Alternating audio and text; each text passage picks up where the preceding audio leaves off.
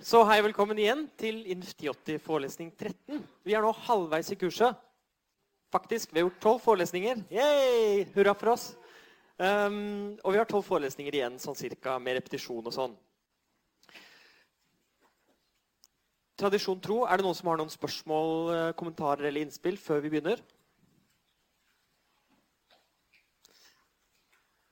Ja?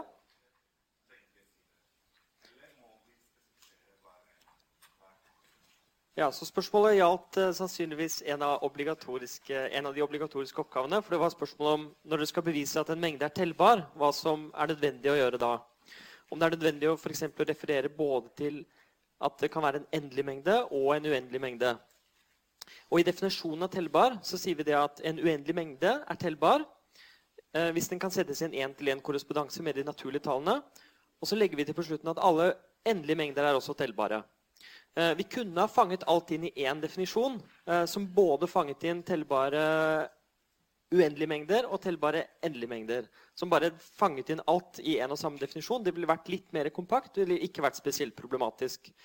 Så grunnen til at jeg har definert det på den måten i boken, eh, er at er å bygge opp under intuisjonen om tellbar i stedet for å ha en mer teknisk definisjon. Så intuisjonen rundt tellbar er vet du hva, Hvis det er endelig, så er det tellbart. For da kan du telle de opp. 1, 2, 3, 4, 5, 6, kanskje opp til en million. men du kan, Og uansett hvor mange det er, så kan du telle det i en eller annen forstand. Um, og for uendelige mengder så må det være en én-til-én-korrespondanse mellom, mellom, de naturlige tallene og disse. Så intuisjonen her er at jeg kan sette en merkelapp på hvert element. Og hver merkelapp er et naturlig tall.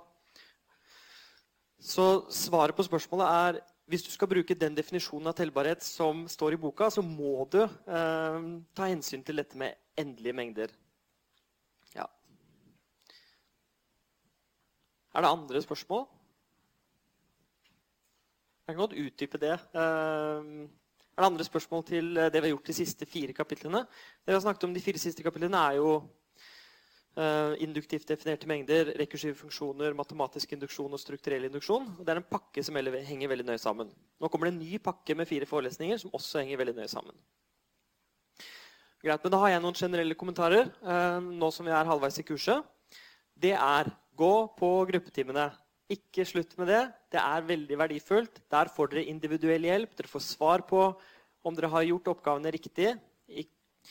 Og dere får eh, møte andre studenter i samme situasjon. Og så er det en annen kommentar. Det er ok å gå på flere av gruppetimene. Hvis dere har lyst til det, gå på de andre gruppene også. Det er ni eh, dobbelttimer i uken. Noen er riktignok overlappende, så dere vil ikke kunne være to steder samtidig. Men, men, dere har mange muligheter til å gå på de andre gruppene også, hvis dere vil det. Eh, jeg har spurt gruppelærerne og alle nå rett før jeg kom hit, på e-post, og de sa bare ja, kjør på. La dem, la dem få lov til å komme. Um, så hvis dere ser et tidspunkt som dere syns er ålreit, så gå på den gruppen. Og det er virkelig å anbefale. Igjen, dette kurset går det ikke an å lære uten å gjøre det. Og i gruppetimene så får dere, får dere guiding i hvordan dere skal gjøre det. Og kan gjøre det. Jeg har satt i gang en sånn midtveisevaluering. og grunnen til det er at Jeg vil gjerne vite hva dere syns om kurset akkurat nå. Og spesielt viktig er det hva er det vi kan gjøre bedre. Så svar på midtveisevalueringen. Alle skal ha fått en e-post i dag om det. Så svar på den. Um, det er også sånn at uh, Alle som deltar i den undersøkelsen, får automatisk tildelt fire poeng. Og det teller opp mot eksamen. Så det teller som en tredjedels innleveringsoppgave for dere som kanskje er litt på vipperne eller usikre på om dette kommer til å gå i mål. Um, intensjonen bak innleveringsoppgavene er at dere skal ha en kontinuitet i studiene. Og målet vårt er at alle som jobber godt med kurset hele tiden underveis, skal ha en mulighet til å gå opp til eksamen. Så oppgavenes vanskelighetsgrad er lagt opp sånn at det skal være mulig å ta eksamen eh, hvis dere legger ned en, en, rimelig innsats i kurset. Vi skal nå teste et annet sånn diskusjonsforum som heter Piazza. Um, det blir en erstatning for det diskusjonsforumet som fins, men som ikke veldig mange bruker. Så dere kommer nå til å få en e-post med invitasjon dit, og så tester vi ut det. Hvis dere ikke har lyst til å være med, ignorer den e-posten. Hvis dere har lyst til å være med, um, gå inn der og ta en titt. De bruker dette i andre kurs, og det virker som det funker greit. Så vi gjør en test med det. Det kommer altså en e-post med invitasjon etter hvert. Og Er det andre spørsmål, kommentarer eller innspill, så ikke nøl med å sende det til denne e-postadressen, så skal vi svare på det. Vi er eh, på YouTube. Alle forelesningene blir lagt ut her. Og det er to-tre fordeler med det. Det ene er at dere kan legge inn kommentarer. Det andre er at vi kan lage innholdsfortegnelser som går spesifikt til en konkret del av forelesningen. Og det skal vi prøve å legge ut på alle forelesningene. sånn at hvis dere er stuck i et eller annet og har lyst til å gå inn på akkurat det stedet hvor jeg snakket om rekursive funksjoner, så skal du gå an og klikke på det og så komme rett inn der.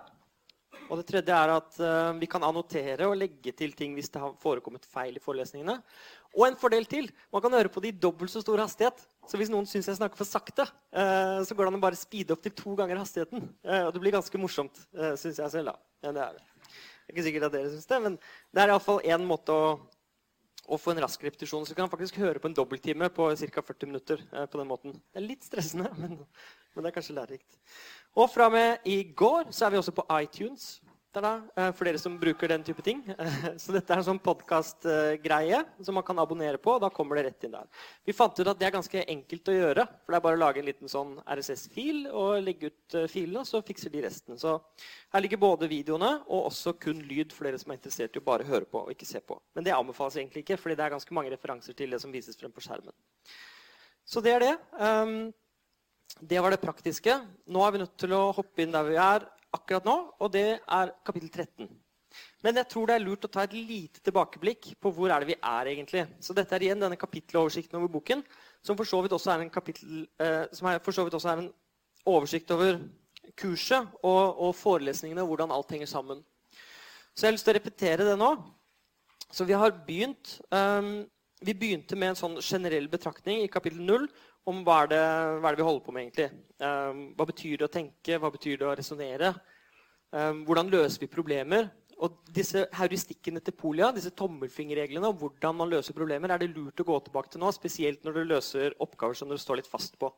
For de tipsene der er nemlig sånne spørsmål man kan stille seg selv for å, få, uh, for å komme litt videre.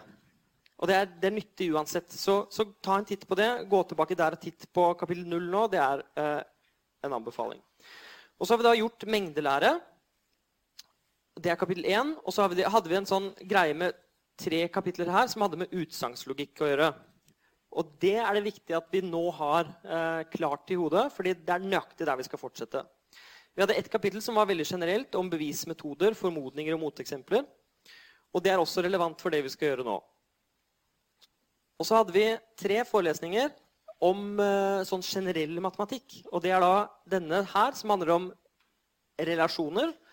Og da identifiserte vi noen interessante egenskaper ved relasjoner, som at de er symmetriske, transitive, refleksive, antisymmetriske og irrefleksive. Og så resonnerte vi litt rundt de egenskapene. Hva er det som følger fra hva, og hvordan kan vi karakterisere ulike relasjoner. Og så snakket vi om funksjoner på litt samme måte. Eh, hva er injektive, surrektive og biektive funksjoner? Det er liksom det viktigste i det kapitlet. Ikke liksom, det er det viktigste i det kapitlet. Å lære seg de begrepene. Eh, og så, I kapittel 8 snakket vi mer om mengdelære. Og da snakket vi om dette med tellbar og overtellbar. Og vi snakket litt om Venn-diagrammer og den type ting. Og så har vi nå vært igjennom disse fire kapitlene her, eh, som alle henger veldig nøye sammen. Det er induktivt definerte mengder, det er rekursive funksjoner, det er induksjonsbevis på naturlige tall, og så er det generelle induksjonsbevis. Og Grunnen til at de henger veldig nøye sammen, er at de påstandene vi, vi beviser med induksjon, er påstander om disse mengdene eller om disse funksjonene. Og Det ser nå avhengighetene, fordi vi hadde ikke kunnet snakke om det uten å snakke om funksjoner eller ha det begrepet inne. Vi hadde ikke kunnet snakke om funksjoner uten å snakke om relasjoner, og vi hadde ikke kunnet snakke om relasjoner uten å snakke om mengder. Så, så dette er en nokså sånn presis um, uh, graf over hva som avhenger av hva. Og Nå skal vi altså inn i kapittel 13, eh, og det er her. Og det, er, det, vi tar med oss, da, det er absolutt alt som har med utsagnslogikken å gjøre. Og dette med bevismetoder. Men spesielt viktig er det disse tre kapitlene her, 2, 3 og 4, her, her og her. De hadde en viss struktur, fordi her snakket vi kun i kapittel 2 om syntaksen, altså tegnene. Og i kapittel 3 så begynte vi å si ok, hva skal disse tegnene bety. Og I kapittel 4 så begynte vi å resonnere litt mer. og begynte å se på ok, er det noen sammenhenger her. Er det noen interessante begreper? F.eks. logisk konsekvens og logisk gyldighet snakket vi om da. Og um, det er en sammenheng til. Uh, det går en pil fra åtte også og opp her. Uh, og det er fordi dette med tellbar kommer inn. Alt det vi skal gjøre herfra ut, det, i, i, det har med tellbarhet uh, å gjøre. I den forstand at alle mengdene våre er tellbare. Det er bare fakta som dere kan ha i bakhodet. Det, vi bruker det ikke til spesielt mye. Og så går det en pil opp fra 10, og den er kanskje enda viktigere. Eh, det vi nå må kunne, er induktivt definerte mengder og rekkerskyve funksjoner på dem. Fordi når vi nå skal definere førsteordenslogikk, så skal vi bruke det. Vi skal bruke det i praksis. Vi skal definere mange induktivt definerte mengder. Og så skal vi lage rekkerskyve funksjoner på dem. Så, så, vi kommer til å se mange eksempler på det videre. Og så ser dere kanskje at det er ikke noen piler opp fra 11 og 12. Eh, de henger liksom løst der på, på, slutten. Det er liksom ikke noe som eh, går ut fra de. Og det er litt trist. Og, eh, men i dette kurset går langt, men det går ikke så langt. Hadde vi gått litt lenger i dette kurset og begynt å bevise ting om førsteordenslogikk og bevise litt vanskeligere ting, så måtte vi brukt disse kapitlene og det som står i 11 og 12, men det skal vi ikke gjøre. Det dere skal kunne av induktive bevis, det er, det, vi har snakket om til nå. Det er ikke noe mer.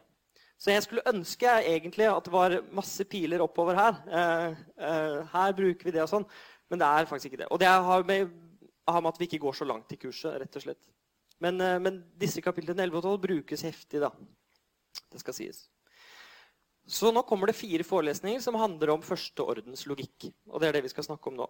Når jeg er ferdig med det, så kommer vi til denne utrolig spennende bolken her nede. Og dette er en sånn herre eh, buffé med kule ting som man bør ha hørt om. Altså, det er det. Eh, vi skal snakke om kombinatorikk og måter å regne på. Det er gøy. Eh, vi skal snakke om abstraksjon eh, på en veldig artig måte. Vi skal snakke om japansk røkelseslek. Jeg gleder meg til det. Og grafteori. prikker og streker og egenskaper ved grafer og sånn. Og så skal vi komme litt tilbake til språkteori her og logikk på slutten. Du ser kanskje at det er en sånn stjerne her den kommer da på magisk vis inn der. Så det er en fortsettelse, fortsettelse av dette med logikk. Så der er vi. Der står vi. Er det noen spørsmål til det før jeg bare suser i gang med en ganske rask eh, introduksjon til førsteordens språk, som er det vi skal snakke om i dag? Noen spørsmål til her vi står? Noen kommentarer? Noen frustrasjoner? Noe dere har lyst til å dele med de andre studentene? Så har dere muligheten til det nå. Så skal jeg gjøre som jeg pleier, å repetere spørsmålet i plenum. Ingen? Nei? Rekk opp en hånd, da, eh, hvis dere har noen kommentarer. Eh, da er vi i gang med førsteordens språk. Og dette er eh, gøy og interessant. Um, I dette kapitlet her, lære, og i denne forelesningen så skal du lære om syntaksen til førsteordens logikk. Og du bør ha i bakhodet nøyaktig hva vi gjorde med utsagnslogikk. For der definerte vi et utsagnslogisk språk. Så vi skal lære nå om førsteordens språk. Vi skal lære om logiske og ikke-logiske symboler. Vi skal lage et skille. altså. Vi, ha, vi har en, en, verden av symboler, og Noen er logiske, noen er ikke-logiske. Vi skal definere hva det betyr. Vi skal snakke om tre typer symboler. Konstantsymboler, funksjonssymboler og relasjonssymboler. Vi skal snakke om signaturer. Det er en måte å angi et spesifikt språk på. Vi skal snakke om termer, og formler de skal defineres induktivt. Og vi skal snakke om presedensregler, akkurat som vi gjorde for utsagnslogikk. Så dette her er språk med større uttrykkskraft enn det dere har møtt tidligere. I utsagnslogikk har vi kun utsagnsvariabler og disse konnektivene her. disse fire konnektivene. Og Med de kan vi analysere og representere utsagn. Det er fint. Førsteordenslogikk kalles også predikatlogikk. Det utvider utsagnslogikk med bl.a. kvantorer. Den første kvantoren er da denne, en baklengs E. Det kalles for eksistenskvantoren, eller på engelsk existential quantifier. Og så en opp-ned-A. Og det er allkvantoren, eller en universal quantifier på engelsk. Ved hjelp av disse kan vi analysere og representere kvantifiserte utsagn. Dvs. Si utsagn om at det finnes et objekt med en bestemt egenskap, eller at alle objekter har en bestemt egenskap. Og dette er påstander og utsagn som vi har benyttet oss av. Vi har kvantifisert hele tiden, vi. Vi har sagt for alle evaluasjoner så er det sånn og sånn, for alle tall så er det sånn og sånn, osv. Så Sånne påstander er det vanskelig å representere i utsagnslogikk. Det er ikke umulig, nemlig hvis du er litt kreativ eh, og er skikkelig dreven i utsagnslogikk, så kan du klare å, å representere vanvittig mye greier hvis du er kreativ. Men nå skal vi rett og slett ikke være så kreative. Vi skal lage oss et nytt språk for å kunne snakke om universelle utsagn. Så hva er det vi egentlig mener med sånne kvantifiserte utsagn som er universelle eller eksistensielle? Det er f.eks. dette. Ethvert heltall er enten et partall eller et oddetall. Eller det finnes uendelig mange primtall. eller mellom to brøktall så finnes det et annet brøktall. Eller alle partall større enn to er lik summen av to primtall. Så vi kan uttrykke sånne ting som dette ved hjelp av disse ordene. Eh, det finnes, alle, ethvert osv. Så, så slike universelle og eksistensielle utsagn inngår veldig ofte i resonnementet. Det er det vi skal begynne å fange inn nå. På samme måte som vi fanget inn utsagn, skal vi nå fange inn utsagn med sånne. Og For å snakke om det så vil jeg snakke om formen på et resonnement.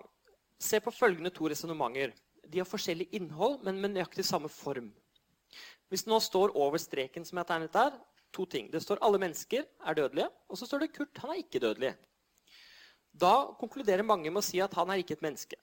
Hvorfor det? Fordi alle mennesker er dødelige, og han er ikke dødelig. Da må konklusjonen være han kan ikke være et menneske. La oss se på denne argumentasjonsrekken. Alle perfekte tall er partall. Og Nå spiller det ingen rolle om du vet hva perfekte tall eller partall er. Du skal se på formen på resonnementet. Hvis du nå i tillegg får vite at x ikke er et partall, da kan du jo konkludere med at x ikke er et perfekt tall. Fordi alle perfekte tall er partall, og x er ikke et partall. Da kan ikke x være et perfekt tall. Og det som er interessant her, er at de har samme form. Og legg merke til at begge resonnementene er gyldige i kraft av sin form, ikke i kraft av sitt innhold. Så det er et eller annet som har å gjøre med strukturen til argumentene. Det er ikke at de handler om kurt og dødelighet eller partall og perfekte tall. Det er noe med strukturen på dem, det er noe med formen på dem. Og det er nettopp her førsteordens logikk kommer inn. Ved hjelp av førsteordens logikk kan vi analysere sånne resonnementer og undersøke om de faktisk er gyldige eller ikke. Og Det er nøyaktig det samme vi gjorde for utsagnslogikk. For der tok vi et resonnement, og så sa vi vet du hva, dette resonnementet er gyldig fordi konklusjonen følger fra premissene. I den forstand at hvis alle premissene er sanne, så må konklusjonen også være sann. Det skal vi gjøre akkurat her også, med akkurat den samme forståelsen av sann. Hvis premissene er sanne, så må konklusjonen være sann. Men vi skal nå være mer finkornet i hva som kan være påstandene, utsagnene og formlene våre. Vi skal gjøre som vi gjorde. Vi skal ta denne verden av utsagn og representere de syntaktisk ved hjelp av formler. For å gjøre det er vi nødt til å um, introdusere et språk. Og det språket er rent syntaktisk. Vi skal skille mellom syntaks og semantikk på akkurat samme måte som før. Så vi skal skille skarpt mellom syntaks, som består av formler, symboler og tegn, på den ene siden, og semantikk, som består av tolkninger, sannhetsverdier og modeller på den andre siden. Så syntaks er i utgangspunktet bare tegn, det, som kan bety hva som helst. Og semantikken forteller hvordan disse tegnene skal tolkes. Akkurat som i programmeringsspråk. Dere kraster inn tegn i editoren, og så er det noe som tolker det, sånn at noe skjer. Og det har med semantikken å gjøre. Syntaksen det er reglene du må følge for å skrive korrekte programmer. Det er syntaksverdenen. Så Vi skal derfor begynne med å definere syntaksen til førsteordens logikk. Og det er ved hjelp av induktivt definerte mengder. Og Det er et stort byggverk eh, bygget opp nedenfra med flere induktive definisjoner utenpå hverandre. Eh, og Det er det vi skal begynne med nå. Så La oss ha et overblikk over hva som følger, og hva vi skal gjøre. For å definere førsteordens formler så må vi se på de minste bestanddelene i språket og hvilke symboler som er tillatt. Og Så skal vi bygge opp ting derfra. Det å det å spesifisere det, det er uh, i en såkalt signatur. Og en signatur sier hvilke symboler som er med i språket. Tidligere når vi gjorde utsagnsskriling, så sa vi bare ta en bøtte med utsagnsvariabler, og så bygger vi opp alt derfra. Nå skal vi være litt mer presise. skal vi si at Disse um, symbolene begynner vi med. Og En signatur består av konstantsymboler, funksjonssymboler og relasjonssymboler. Og Det er tre sånne bøtter med forskjellige typer symboler i ren syntaks og de skal vi tolke på forskjellig måte. Når vi kommer til sematikken, så skal vi tolke disse som henholdsvis elementer, funksjoner og relasjoner. Hvis vi har en bøtte, oppi den bøtta så, det, så er det konstantsymboler. Hvert konstantsymbol skal vi tolke som et element i en mengde. Og så har vi en bøtte med funksjonssymboler. Og hver, hvert funksjonssymbol skal vi tolke som en funksjon. Det vet vi hver. Og så har vi en bøtte med relasjonssymboler. Og hvert sånt symbol skal vi tolke som en relasjon, som vi også vet hva er. Her har vi en veldig stor avhengighet til disse kapitlene om funksjoner og relasjoner. Så en signatur gir opphav til en induktivt definert mengde av det vi kaller førsteordens termer. Så vi bruker signaturen vår til å bygge opp en induktivt definert mengde som vi kaller termer. Og så definerer vi mengden av førsteordens formler, deretter induktivt via denne mengden av termer. Så dette er en sånn lag-på-lag-operasjon. Først så definerer vi en mengde termer. Fint. Nå er den der. Og så sier vi Hva er en formel? Og da bruker vi alt fra den mengden. Og så lager vi en ny induktiv definisjon oppå det. Men alt dette avhenger altså av det underliggende språket, førsteårsspråket, og derfor skal vi begynne der. Så nå skal vi sakte, men sikkert bygge opp eh, mengden av formler. Vi skal gjøre det nedenfra. Eh, så jeg håper at dette er den mest pedagogiske måten å gjøre det på. Vi kunne begynt ovenifra. Jeg kunne gitt dere masse eksempler på formler, men nå skal vi bare bygge opp sakte, men sikkert alt nedifra. Dette er litt som å lese manualen først, og så begynne å eh, programmere. Så la oss gjøre det. Eh, først skal vi definere logiske og ikke-logiske symboler. Så et førsteordens språk kan deles opp i eh, logiske og ikke-logiske symboler. Og det er én guidende intuisjon her. Og det er at de logiske symbolene må tolkes alltid på samme måte.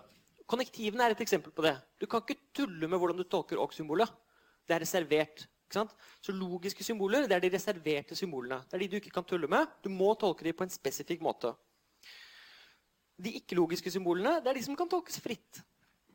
Da kan vi velge helt fritt. Dette er bare egentlig et skille mellom det. Det er det du kan tolke fritt, og det du ikke kan tolke fritt. Så nå skal vi definere førsteordensspråk, og definisjonen ser sånn ut. Ethvert førsteordensspråk består av følgende logiske symboler. Og dette er jo greit. Ok, Logiske symboler det er de som ikke kan tolkes på en annen måte. De, må, de har en spesifikk tolkning. Men nå definerer vi bare en, en, sånn bøtte med logiske symboler, og de skal vi ikke tulle med. Det er de logiske konnektivene. De er hellige på en måte. Kan ikke tulle med dem. Kan ikke begynne å si at pilen skal tolkes på en annen måte enn sånn som den, vi har bestemt oss for at den skal tolkes. Det er riktignok vilkårlig, det valget du har tatt, men når du har tatt det, så må du tolke det sånn. Og så har vi disse kvantorene. Du kan ikke tulle med dem heller. De må tolkes på en spesifikk måte. Og så har du en uendelig tellbar mengde av variabler. Og så har du parenteser og kommaer. Og de også har en spesifikk betydning. Du kan ikke tulle med dem heller. Dette er det vi kaller eh, de logiske symbolene i et førsteordensspråk.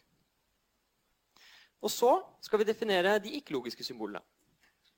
Så et førsteordens språk består også av følgende ikke-logiske symboler. Det er en mengde konstante symboler. Og det er sånn typisk A, B, C, D, E, F osv. Og, så og de eh, kan vi tolke fritt. Det er det som er poenget. Det er derfor de kalles ikke-logiske. Så logiske symboler er de som har en intendert tolkning som vi ikke kan eh, velge fritt ikke-logiske symbolene kan vi velge tolkningen til fritt. Og Vi kommer jo selvfølgelig til tolkningen seinere, men nå lager vi først dette skillet. da.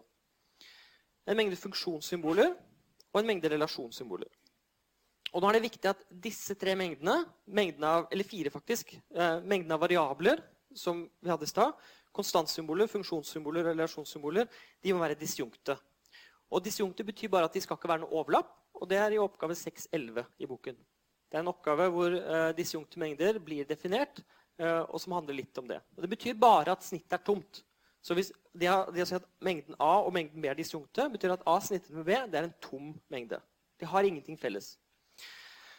Så vi krever da at du kan ikke bruke et symbol på flere måter. Det er litt som i Java også. Dette ene ordet eh, brukes på én måte, og ikke på en annen. Okay? Eh, ethvert funksjons- og relasjonssymbol er assosiert med et naturlig tall, og det kaller vi ariteten til symbolet. Og det, Intuisjonen der eh, har å gjøre med hvor mange argumenter det tar. Så La oss ta plusstegnet, f.eks. Det er et funksjonssymbol i denne konteksten med aritet 2, fordi du putter to ting inn. Dette har to argumenter.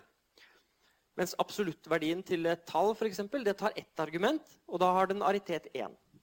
På samme måte med relasjonssymboler også, så har um, et relasjonssymbol R uh, Hvis det er en binær relasjon som det symbolet representerer, så vil symbolet ha aritet 2, for du skriver R, eller R parentes A, B, og da er det to ting inni parentesen, og derfor er det aritet 2.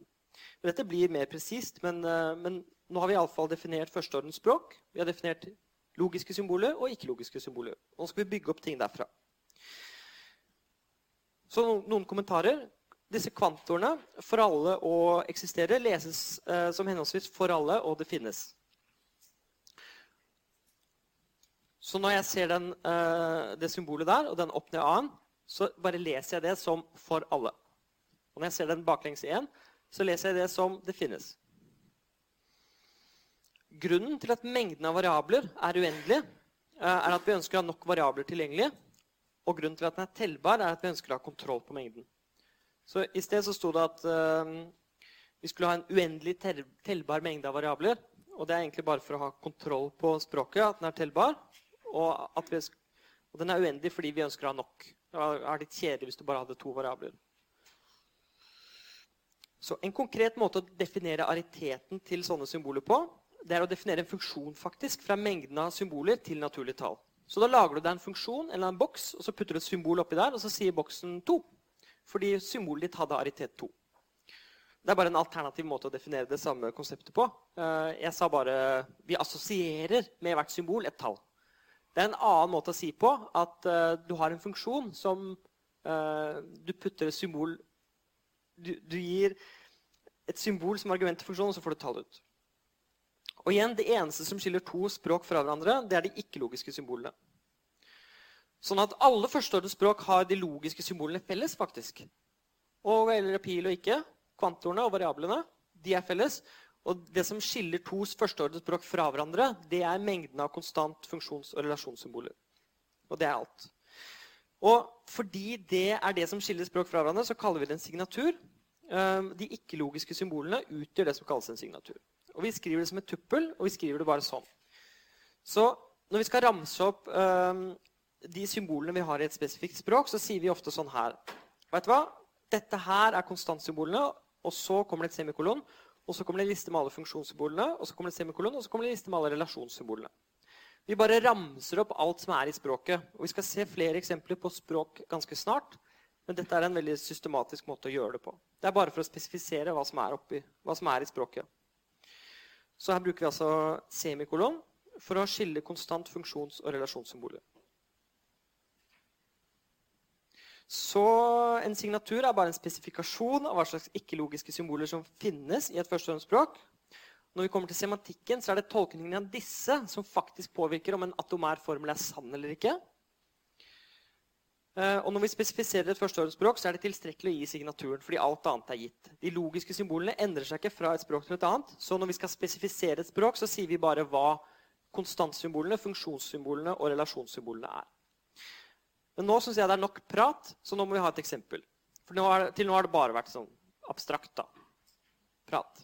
Så la oss se på et eksempel. Nå skal vi gjennomgå tre forskjellige signaturer som definerer tre forskjellige språk. Så La oss begynne med det aller enkleste språket jeg kan tenke meg å lage. Og Da lager jeg meg en signatur med ett konstantsymbol, og det er bare symbolet A. Og Så er det to funksjonssymboler, F og G, og så er det to relasjonssymboler, det er P og R.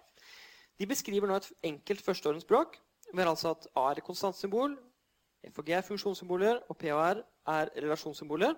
Og så antar vi at ariteten til F er uh, eh, 1, ariteten til P er 1, og ariteten til G er 2, og ariteten til R er 2. Så jeg kommer til å gjenta meg selv ganske mange ganger for at dere skal venne dere til språket. Altså Jeg har en signatur. En signatur består av konstantsymboler, funksjonssymboler og relasjonssymboler. Det er ikke sånn at en signatur består av funksjoner. Hvorfor ikke det? Fordi funksjoner det er det de skal tolkes som det. Det er symbolene som er oppi her. Det er veldig viktig at nå jobber vi med syntaks og bare syntaks. Bare tegn. Det er som å lage et bitte lite programmeringsspråk. Så dette er ett eksempel på et veldig enkelt språk. Og vi, jeg, nesten, jeg klarer nesten ikke å holde meg lenger. fordi vi skal lage sånne uh, sammensatte. Uh, vi skal sette F sammen, fordi F, det står her at F har raritet igjen. Og så er A et konstantsymbol. Da kan vi skrive F av A. Og så kan vi skrive F av X. Så dette blir også funksjons... Uh, dette er det vi skal kalle termer. Og vi skal også lage miniformler uh, vi setter sammen P med A, f.eks. Og dette uttrykker at A har egenskapen P. Men det kommer, altså. Uh, det kommer. La oss ta et språk til. La oss si at vi ønsker å lage et språk for tallteori. Og det er veldig, det er veldig nyttig, fordi ofte så trenger man å snakke om tall. Da kan vi lage oss en ny signatur. Vi kan ha med null som et konstantsymbol. Vi kan ha med S og pluss som funksjonssymboler. Og S-en, intensjonen bak den, er å lage en funksjon som, som returnerer det neste tallet. En S for suksessor. Og så kan vi ha med likhetstegnet som et relasjonssymbol. Og intuisjonen er nå at uh, null, konstantsymbolet vårt, skal representere et eller annet element. Ja, Det er selvfølgelig tallet null. det da. Og S og pluss skal representere to funksjoner på naturlige tall. Og likhetstegnet skal representere en relasjon. Vi skal bruke det som et symbol for å representere en relasjon. Så vi antar at ariteten til S er 1. Og dette må sies på et eller annet sted. Når du spesifiserer et språk, så må du si hva ariteten er. Og at ariteten til pluss og lik er 2. Så man må si det et eller annet sted. Det er ikke gitt at ariteten til det der er to. Så du er nødt til å si det. Kanskje jeg ønsker en annen, en annen situasjon hvor denne har aritet til tre. Hvem vet. Men her har den altså to. Symbolet S kommer fra det engelske ordet 'successor', eh, som betyr etterfølger. Pluss er det samme symbolet som vi bruker for addisjon, og like er det samme symbolet som vi bruker for likhet. Vi skal nå lage oss språk basert på disse signaturene. La oss ta en signatur til. Et språk for mengdelære, fordi kanskje vi ønsker å uttrykke noe om mengdelære. Snakke om mengder og sånn. Da kan vi lage oss denne signaturen. Den beskriver et førsteårens språk for mengdelære. Og her har vi da altså den tomme mengden, eller den ø-en, som et konstantsymbol. Og nå gikk jeg rett i fella. Hørte dere det? Jeg sa den tomme mengden er et konstantsymbol. Fy på meg! Det er skikkelig dårlig. Det er utrolig upresist å si. Fordi det er den ø-en som er et symbol. Og vi skal etterpå tolke det som den tomme mengden. Så det er ikke den tomme mengden inni der. Det er en ø. eller et symbol. En runding med strek over. Og det symbolet representerer det skal vi komme til neste forelesning, det representerer det vi snakker om som den tomme mengden. Så det er et konstantsymbol. Og disse to tegnene de er funksjonssymboler. Ja? Hva tror du ariteten til de kommer til å være? To. Og så har vi likhet. Pokker, nå gjorde jeg det igjen. Å, det er så vanskelig. Um, disse to strekene det er et relasjonssymbol. Og denne litt sånn funky E-aktige greia det er et relasjonssymbol. Ja. Det er ikke lett, dette her. Um, så det er altså ikke likhet og elementer som er med i signaturen. Det er disse symbolene som representerer disse relasjonene som vi er så glad i. Uh, la oss ta et spørsmål.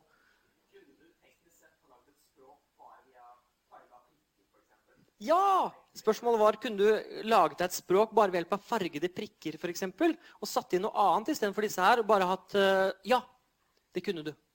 Når du lager deg ditt språk, ditt favorittspråk, så kan du bruke hva du vil som symboler. Du kan bruke likhetstegnet som et konstant symbol.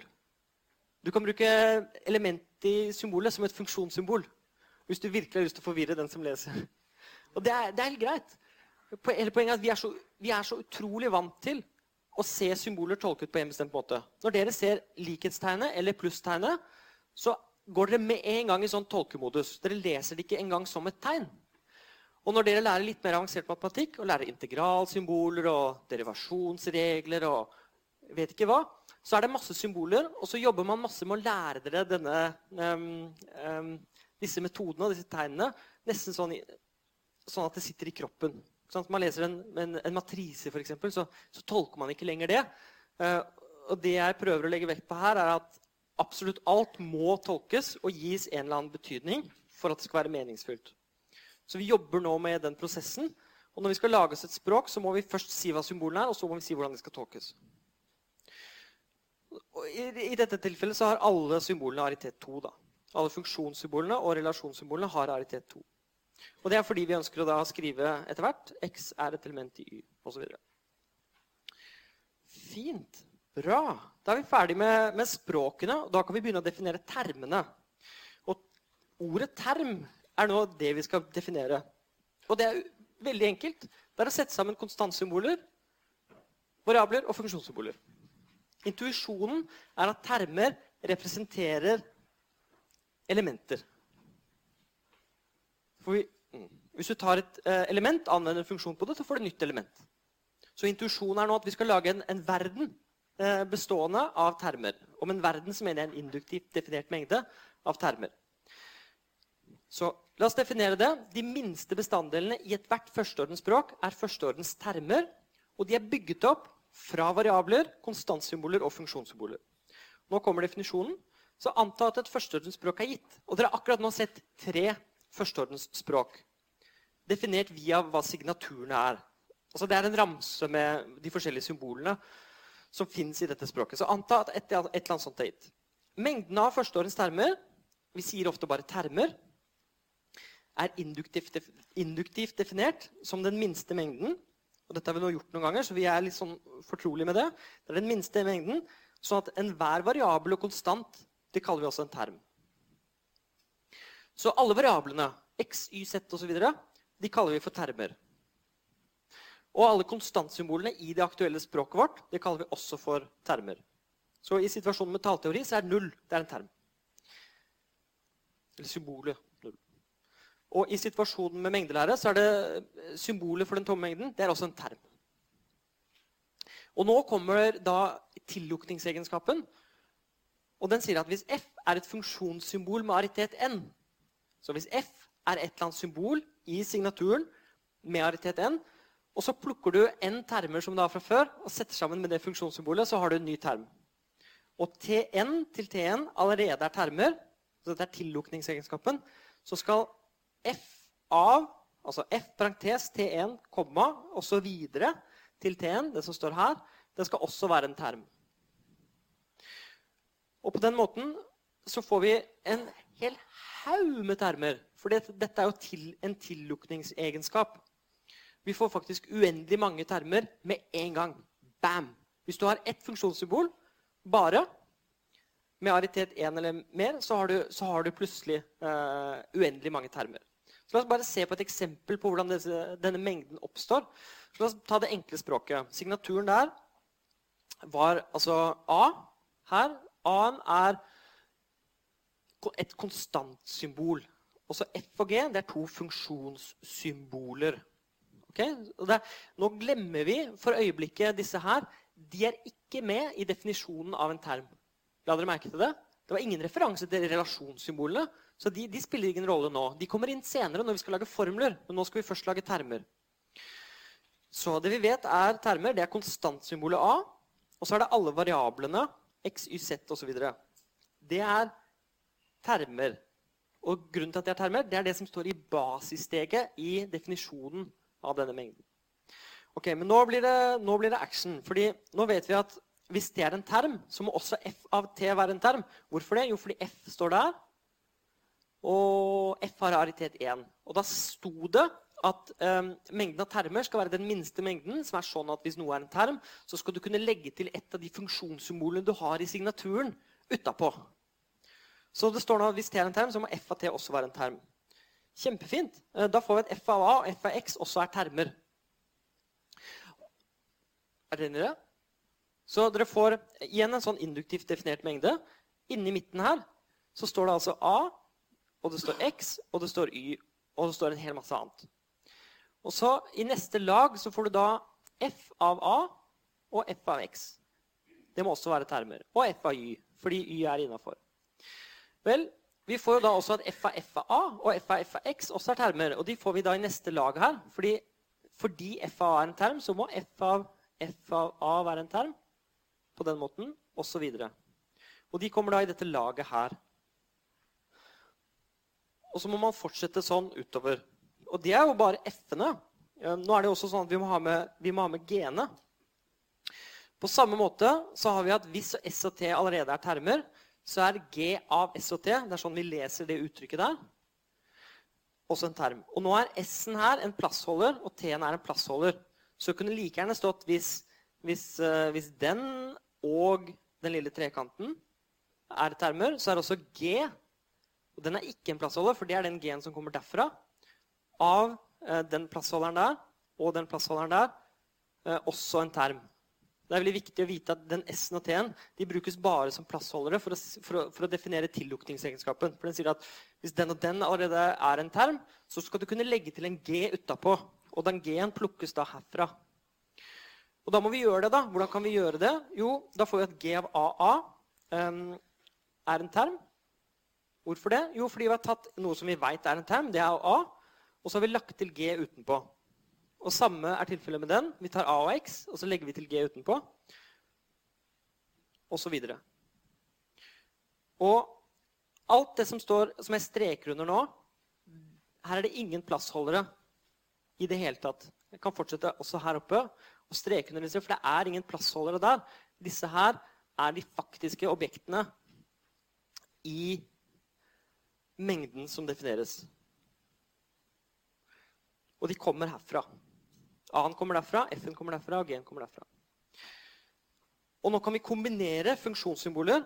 fordi alt det som nå er strek under, på siden der, det er termer. Og det betyr at jeg kan sette sammen dem til enda større termer. Kan Fordi F har aritet 1, og jeg vet at G av AA er en term, det står her, så kan jeg sette det inn bak F-en, og da får jeg en ny term som står der. Og så kan jeg sette F-en utenpå GAX og få en ny term som står der. Og så kan jeg sette F-en utenpå GXA, og så kan jeg sette G-en utenpå to argumenter her. Da får jeg en ny term. Hvorfor kan jeg det? Jo, fordi jeg vet at f av a er en term. Det står her. Og jeg vet at a er en term. Det står der. Og så vet jeg at uansett, hvis jeg har to og legger til en g utenpå, så får jeg dette. Og så videre, og så videre, og så videre. Så den blir veldig stor og veldig uendelig. Her har jeg tatt to forekomster av FAA og satt en G utenfor. Og her, der, Derfor ariteten er viktig.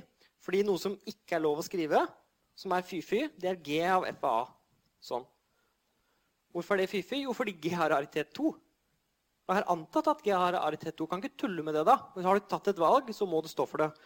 Så dette her er ikke greit. Og du kan heller ikke si eh, F av AA, f.eks. Heller ikke greit, fordi du har antatt at F har haritet 1, så det er fy-fy.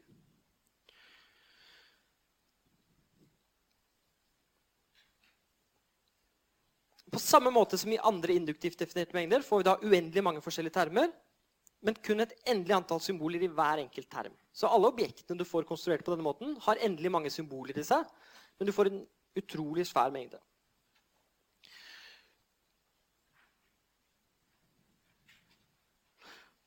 Er det noen spørsmål til dette? Ja.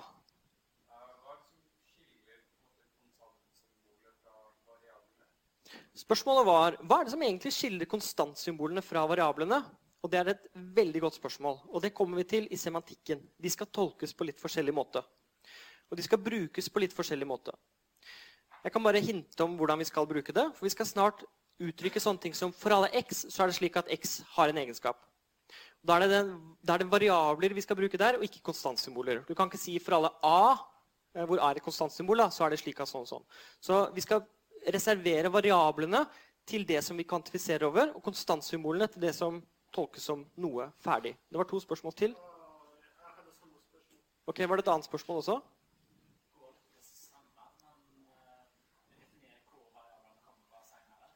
Spørsmålet var uh, definerer vi hvor variablene kommer fra senere. og Det skal vi faktisk ikke gjøre. Mengden du velger deg som mengden av variabler, kan du velge helt fritt. Vi bruker vanligvis x, y og z osv. eller x1, x2, x3, x4 osv. som mengden av variabler, men den kan velges helt fritt. Du kan godt si at x1, x2, x3 osv. det er mengden av variabler. Og så bruker vi y og z som, som uh, plassholder eller forkortelse eller noe sånt for den mengden. Men i utgangspunktet kan du velge det også helt fritt. Da tar vi en pause, og så fortsetter vi om et kvarter. Ok, så velkommen tilbake. Håper alle har hatt en fin tur ute i frisk luft. Er det noen spørsmål eller kommentarer før vi fortsetter? Ingen? Det vi gjør nå, er å definere førsteordens logikk. Noe av det mest uh, interessante og flotte som fins, ifølge noen. Uh, er det ingen spørsmål? Er alt klart av det vi har gjort til nå? Det vi har gjort nå, er å definere induktivt mengden av termer. Eh, og termer er bygget opp av konstantsymboler, variabler og funksjonssymboler. Og funksjonssymboler har aritet. og De styrer hvordan alt blir bygget opp. Vi har noen konvensjoner om å droppe parenteser, og det skal vise seg å være hjelpsomt. Eh, så lenge det er entydig og ariteten er velkjent, så kan vi droppe parentesen og skrive f.eks. FA istedenfor F parentes A. Vi kan skrive FX istedenfor FX med parenteser. Og vi kan droppe parentesen i GAA og skrive det på denne måten. Og f.eks. på denne måten. Og Grunnen til at dette her er entydig, eh, er jo at ariteten er kjent. Så det er ingen annen måte å tolke det på enn å sette parenteser der hvor de er satt her. Fordi ariteten til F er 1, og ariteten til G er 2. Hadde vi ikke visst det, så ville det vært tvetydig. Fordi kanskje det var sånn at F tok to argumenter, sånn, eh, og G1, men det er ikke tilfellet fordi vi har antatt varieteten er. Så, så lenge det er kjent, så kan vi uh, droppe parentesene. Men noen ganger bør parenteser brukes for å gjøre en term mer leselig. For så blir termen GAGAFA enklere å lese om vi faktisk setter inn parentesene. For da trenger du ikke å sjekke hva ariteten er. Da veit du at det er riktig. Så det er i de små eksemplene at vi kommer bare til å droppe parentesene for å gjøre det enklere å lese. Det er det. La oss se på noen eksempler på termer i dette tallteorispråket. Um, de enkleste termene i det språket, og signaturen var denne, uh, det er da konstantsymbolet null og alle variablene. Det vil alltid være de enkleste termene i alle, i, alle språk. Så null er med, og alle variablene er med.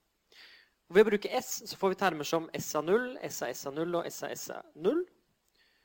Og vi kan tenke på S av S av S av 0 som en måte å representere tallet 3 på. Så det er en term i språket som representerer tallet 3. Hvordan skulle du ellers ha representert tallet 3 i dette språket? er mitt spørsmål. Språket består bare av 0 og S og pluss og lik. Det er det eneste du har i språket. Så hvordan i alle dager skal du uttrykke tallet 3 hvis ikke det var sånn? Så det er um, begrensningene vi har i dette språket. Og alle språk har begrensninger. I alle språk er du nødt til å uttrykke noe på en eller annen mer eller mindre kreativ måte. Kanskje du ville hatt konstantsymboler for alle tallene. Det hadde jo vært fint. Konstantsymboler for 1 og 2 og 3, og 4, og 5 osv. Kanskje et konstantsymbol for 100 også. Og 101 og 102. Fint, det. Du kan godt definere det som mengden av konstantsymboler. Ikke noe problem. Men i dette språket så har man det ikke. Ofte så ønsker man å være økonomiske når man definerer språket, for å ikke gjøre det unødvendig komplisert. Og med unødvendig komplisert mener jeg unødvendig komplisert å resonnere om. Fordi hvis språket er enkelt, eh, skrevet ned med en liten signatur, så kan du resonnere om det på en enkel måte. Hvis språket liksom, eh, har masse greier i seg, så må du, når du beviser ting og resonnerer om det, gå inn i veldig mange spesialtilfeller. Ved å bruke pluss så får vi termer som eh, dette. Og pluss er nå et funksjonssymbol med aritet 2. Og x og y er variabler, så vi kan skrive det som står der. Og 0 og 0 er konstantsymboler, så vi kan skrive det som står der, osv. Dette her er jo da en term som representerer eh, 1 pluss 0, f.eks. For Fordi S av 0 representerer 1, og 0 representerer 0. Og derfor kan vi skrive det sånn. Men to plusstegn ved siden av hverandre som, som er altså to funksjonssymboler etter hverandre, eller bare pluss null, hvor ett argument mangler, er ikke lovlige termer. Det er ikke lov å skrive det. Hvis det er gitt da, at eh, pluss har aritet 2, så er dette her ikke lov. Og bare det å sette to plusstegn ved siden av hverandre, det er ikke meningsfullt. Og vi vil heller ikke ha noen måte å tolke det på i semantikken vår. Og det er da ikke lovlige termer. Og så er det flere av dere som syns at dette er litt sånn teit å skrive pluss Sånn. X pluss Y med plusstegnet utenfor, sånn som, vi, sånn som, vi, gjør når vi skriver F. Og det er jeg enig i, så nå kommer redningen. Um, og dette handler om forskjellige måter å skrive funksjonstermer uh, på. Så hvis et funksjonssymbol med aritet 2 er gitt, uh, f.eks. pluss, det er et funksjonssymbol med aritet 2, så er det flere alternative måter å skrive ned uh, sammensatte termer på. Vi kan bruke prefiksnotasjon, som er det vanligste, som er det vi har brukt til nå. og Der har jeg skrevet pluss xy. Postfiks-notasjon er å sette funksjonssymbolet bakerst. Infiks-notasjon er å sette det i midten. og Det er det vi er så veldig vant til akkurat når det gjelder pluss og de, de der. Men det er tre forskjellige steder å sette symbolet. Eh, og det kalles da henholdsvis prefiks, postfiks og infiks, avhengig av hvor man velger å sette det. Og det er eh, mange det er et greit skille å ha. Altså Derivasjonsoperatoren er f.eks. en postfiks-greie. for Du setter på en liten sånn fnutt bakerst, og det er egentlig en funksjon. Du anvender en funksjon på en annen, og så får du noe ut. Eh, og så, videre. så bare vær klar over det. At det er flere måter å skrive funksjoner på. Og nå skal vi bruke disse forskjellige måtene. For I aritmetikk og mengdelære så er det naturlig å bruke innfiksnotasjon. I mengdelære så skriver vi ikke eh, snittegnet parentes AB, med prefiksnotasjon, men vi skriver uh, det symbolet inni. Fra nå av så kommer vi til å gjøre det helt fritt på den måten. Det er altså forskjellige måter å skrive ned eh, disse termene på. Så La oss se på mengdelærespråket, det tredje eksempelet vårt. Og Da var signaturen det som står her. De enkleste termene der, hva er det? Jo, det må jo være da variabelen igjen. da, Og det ene stakkars konstantsymbolet vårt. Så det er konstantsymbolet og alle variablene. Det er de enkleste termene. Sånn er det i alle språk. Og det er det basismengden består av. Det er det som er innerst. Det er bare de. Og Så kan vi begynne å sette sammen ved å bruke snitt og union-symbolene. Altså funksjonssymbolene i denne sammenhengen. Så får vi termer som x snitt my osv. Og, og de blir da mer og mer sammensatte um, etter hvert. Avhengig av hvordan vi, hvordan vi, setter sammen, og hvor store uttrykk vi setter sammen. Legg merke til at disse her er ikke en del av termene igjen. De skal vi nå bruke for å lage formler, men de er ikke en del av termene.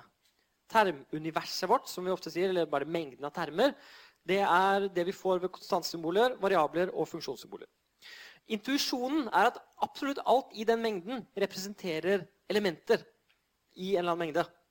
Nå skal vi etter hvert uh, se på noe som vi tolker som sann og usann. Men, men, disse representerer elementer i en mengde, og de er ikke sanne eller usanne. De er bare noe i en mengde. Funksjonssymbolene tolkes som funksjoner. Når du anvender en funksjon på et element, så får du et nytt element. og Derfor så holdes vi inne i denne mengden hele tiden. Ja. Så igjen legger merke til at ingen relasjonssymboler forekommer i førsteordens termer. Intuisjon er at termene refererer til elementer i en mengde. Og Da er vi klare til å lage formler. Endelig. Um, og nå skal vi bruke dette til å lage uh, formler. Vi skal begynne sånn som vi pleier å gjøre, med å lage atomære formler. Og så skal vi lage sammensatte formler. Så vi har nå gjort grunnarbeidet for å definere førsteårens formler. Når et førsteårens språk er gitt, så er mengden av førsteårens termer gitt. Per definisjon. Da veit vi hva termene er. Fra disse skal vi nå bygge opp førsteårens formler på samme måte som i utsagnslogikk. Vi begynner med de atomære formlene, og så bygger vi opp sammensatte formler fra dem. Så nå begynner vi med å definere hva en atomær formel er. Og nå kommer relasjonssymbolene inn. Det er først nå de brukes. Frem til nå så har vi en, en, mengde av termer. That's it. Det er alt vi har. Men nå skal vi si hvis R er et relasjonssymbol oh, Kjempefint. Det er liksom likhetstegnet. Det er et sånn typisk relasjonssymbol. Og det har aritet større enn null. Ekte større enn null. Så vi, nå dropper vi null. Vi glemmer det, for det er litt sånn eh, spesialtilfelle. Og så tar vi n termer, T1 til T1, og det er elementer som vi allerede nå har laget. Vi plukker n sånne fra den bøtta med termer som vi nå får definert. Vi plukker n stykker opp fra den. N termer. Ok, har dem. Og så har jeg et relasjonssymbol R med aritet n. Og nå skal jeg sette dem sammen. Dette er som å blande mat, nesten. For jeg tar nå opp et relasjonssymbol, og jeg tar opp n sånne termer. Og så setter jeg dem sammen til en atomær formel som da blir R, parentes, og så alle disse termene, parentes slutt. Det er det vi kaller en atomær formel. Det er det hele. Det er definisjonen av atomær formel. Jeg plukker opp n termer, putter dem inn i et relasjonssymbol med riktig aritet. Det er hele greia. Så hvis likhetstegnet ditt er et relasjonssymbol, og det er det veldig ofte. Så plukker du opp en, eh, og har RT2, så plukker du opp to termer, putter de på hver sin side av likhetstegnet, og bam, så får du en atomær formel. Og den uttrykker f.eks. at 1 er lik 2. Som er usant, men det, det kan du gjøre. Hvis n er lik 0, så kaller vi bare R, symbolet R, for en atomær formel. Så skal, det er greit, n kan være null, og da kaller vi bare selve R en atomær formel. Og det er dette nettopp dette som gjør at vi får hele utslagslogikken inn som en dellogikk på en måte av førsteordenslogikk. Vi har også her utsagnsvariabler, og det er disse her. Vi bruker nå relasjonssymbolene som det. Okay? Så vi tillater at ariteten er null, og da blir det bare et symbol, sånn som vi er vant til, som utsagnsvariabler. Så igjen, hvis R har aritet null, så er R bare en atomar formel, og vi skriver den uten parenteser. Og dette svarer til en utsagnsvariabel. Vi skal også bruke denne konvensjonen om å droppe parenteser så lenge det er entydig og realiteten er kjent. Og så lenge det er sånn, så kan vi droppe parentesene og skrive f.eks. PFX. Okay? Det står for det som er her, med alle parentesene på plass. RAFX står for da det som står her, hvor R har realitet 2, og dette her er to termer. Så kan vi skrive RXG, nei, RGXAA, og det står for hele den greia der. Hvor R har realitet 2, så her er det to ting på plass. Og G har realitet 2, og her er det to ting på plass. Så dette er nå eksempler på uh, atomære formler. Intuisjonen og den er viktig å ha i bakhodet, det er at atomære formler blir sanne eller usanne, avhengig av hvilken verdi variablene får.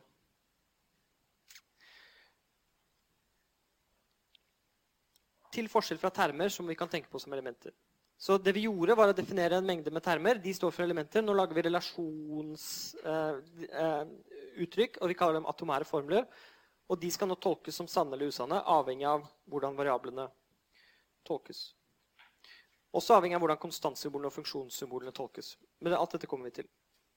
Og legg igjen merke til at vi får en spesiell situasjon når relasjonssymbolet har aritet null. Definisjonen gir en atomær formel uten parenteser, og den oppfører seg nøyaktig som en utsagnsvariabel. Vi ser dermed at førsteordensformler inneholder alle utsagnslogiske formler, men også mye mer. Men igjen, nok prat. Nå må vi se på et eksempel, ellers så blir vi eh, gærne. Eh, jeg mener det. Det er veldig viktig alltid å komme på eksempler på ting. Hvis ikke så eh, ja, er det litt som å gå i blinde. Så la oss ta det enkle språket vårt. Og igjen så var denne signaturen A, F, G, P og R. Vi har nå allerede laget universet vårt av termer. Nå skal vi bruke P og R til å lage formler. Eh, endelig. Så nå, her er noen atomærformler. PA. Hvorfor er det en formel? Jo, fordi jeg tar et relasjonssymbol med aritet 1, og så tar jeg et konstantsymbol, setter dem sammen og får PA. PA er den første atomære formelen vi ser. nesten. PX, oh, en annen atomærformel, den har en variabel i seg. Det er også helt ok. PF er X. Kjempefint, for da kan jeg ta X-en, anvende F-en på den. Da blir F av X en term. Ok, Termen har sin plass i et, ved siden av et relasjonssymbol, og så får jeg den atomære formelen PFX. Vi kan bare forestille oss hva det betyr. Det betyr at kanskje at f av x har en egenskap P. eller noe sånt. At P av fx er sann. P av f av f av a. Intuitivt er det å ta da konstantsymbolet a, sette på to funksjonssymboler uh, utenfor, altså sette på f to ganger på rad, og så putte det inn i p. Uh, og da kan vi kanskje få et annet. Uh, da får vi en atomær formel med kanskje en annen sannhetsverdi videre. P av G AA. Og igjen så har G aritet 2, så dette står jo da for uh, dette her. Sånn.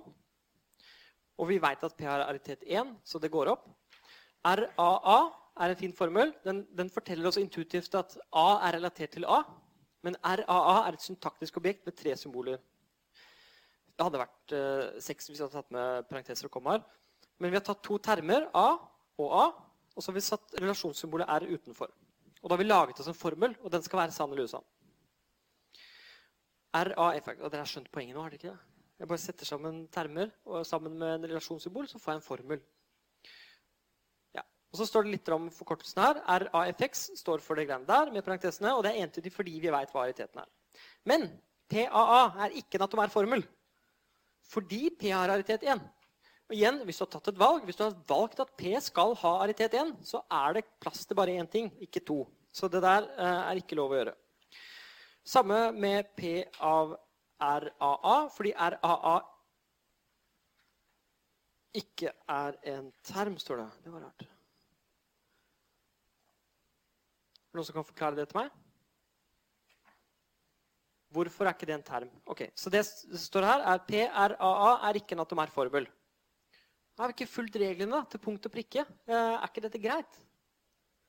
Det er mitt spørsmål til dere nå. Hvorfor er ikke dette lov å si? Ja?